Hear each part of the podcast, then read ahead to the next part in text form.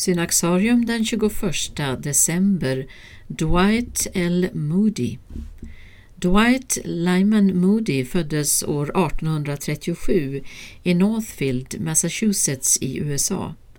När han var fyra år dog hans far och Moody kom att växa upp under knappa förhållanden tillsammans med sin mor och sina syskon. När han var 17 år flyttade han till Boston för att söka arbete. Efter många misslyckade försök fick han till slut jobb i sin farbrors skoaffär.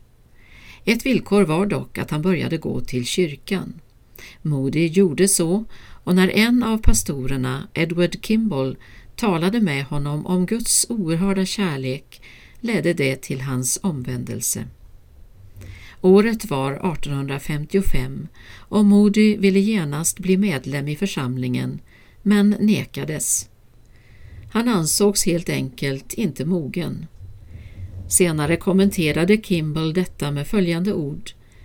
Jag kan ärligt säga, och det säger jag som en hyllning till Guds stora nåd mot Moody, att jag mött få människor som präglats av ett sådant andligt mörker som det han bar på när han kom till min söndagsskoleklass. För den grupp som behandlade hans medlemsansökan var det så osannolikt att han någonsin skulle bli en kristen och än mer att han skulle uträtta någon nytta för allmänheten. Men det var just detta Modi blev, en klart bekännande kristen och därtill en idog arbetare på Guds fält.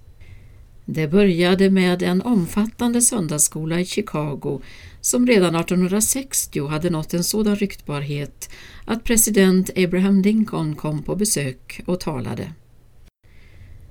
År 1871 mötte Moody sångaren Ira D. Sankey och tillsammans visade de sig vara en oslagbar duo. De reste tillsammans och evangeliserade. Moody predikade, Sankey sjöng och överallt vände sig människor till Gud. Moodys predikan var klar och enkel. Guds kärlek stod i fokus och han uppmanade enträget åhörarna att gensvara på denna kärlek. Moody betonade livet framför läran och hans kampanjer hade en tydlig ekumenisk prägel. Vid flera tillfällen reste Moody till Europa och det var i England under våren 1872 som han fick sitt genombrott som evangelist.